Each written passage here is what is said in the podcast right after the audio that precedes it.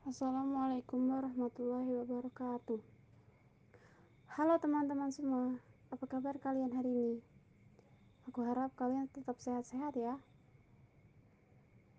Di sini, saya akan memberikan sedikit pesan kepada teman-teman tentang amalan membaca Al-Quran. Ya, membaca Al-Quran.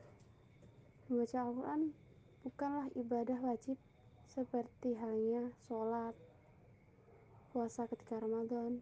Bukan. Membaca Al-Quran itu adalah amalan yang kadang orang sering melalaikannya. Padahal aslinya, membaca Al-Quran itu banyak keutamanya loh. Apa aja sih keutamaan membaca Al-Quran? Selain menjadi penentral hati, bacaan Al-Quran dapat memberikan rahmat kepada orang yang sering membacanya. Dan juga, orang yang sering membaca Al-Quran kelak akan mendapatkan syafaat di akhirat. Seperti hadis yang berbunyi, An Abi Umamah radhiyallahu anhu qala sami'tu Rasulullah sallallahu alaihi wasallam iqra'ul Qur'ana fa innahu ya'ti yaumil qiyamah. Dari Abu Umamah, aku mendengar Rasulullah sallallahu alaihi wasallam bersabda, "Bacalah Al-Qur'an karena sesungguhnya ia akan menjadi syafaat bagi para pembacanya di akhirat. Hadis riwayat Muslim. Dan satu lagi hadis yang berbunyi, An Utsman bin Affan radhiyallahu anhu, qala Rasulullah sallallahu alaihi wasallam, khairukum man ta'allama al-Qur'ana wa 'allamah. Artinya, sebaik-baiknya kalian adalah orang yang mempelajari Al-Qur'an dan mau mengajarkannya. Hadis riwayat Tirmizi. Seseorang yang lancar atau sering membaca Al-Quran akan selalu dikelilingi oleh malaikat-malaikat mulia dan senantiasa dilihat Allah sebagai orang yang bertakwa.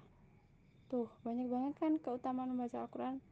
Jadi di sini saya ingin mengajak teman-teman semua untuk menyempat-nyempatkan membaca Al-Quran minimal 5-10 menit saja dalam sehari syukur-syukur bisa lebih atau bahkan teman-teman bisa sampai menjadi penghafal Al-Quran. Kapan sih waktu yang tepat buat baca Al-Quran? hmm, misal nih waktu setelah kalian sholat. Kan setiap hari kalian sholat wajib kan ya? Setelah sholat usahain jangan beranjak pergi dulu. Kita pikir habis itu kita ambil Al-Quran kita baca. Satu halaman atau satu surat saja insya Allah itu udah banyak banget pahalanya. Satu huruf sama dengan 10 kebaikan. Bayangin deh pasti banyak banget. Tidak perlu baca banyak-banyak. Yang penting rajin setiap hari dilakukan itu sudah cukup. Insya Allah itu bakal menjadi amalan tersendiri buat kita. Dan insya Allah di akhirat ini pun bisa menjadi ladang syafaat buat kita sendiri. Amin. Cukup sekian yang dapat saya sampaikan. Ada kurang lebihnya saya mohon maaf. Wabillahi taufiq walhidayah wassalamualaikum warahmatullahi wabarakatuh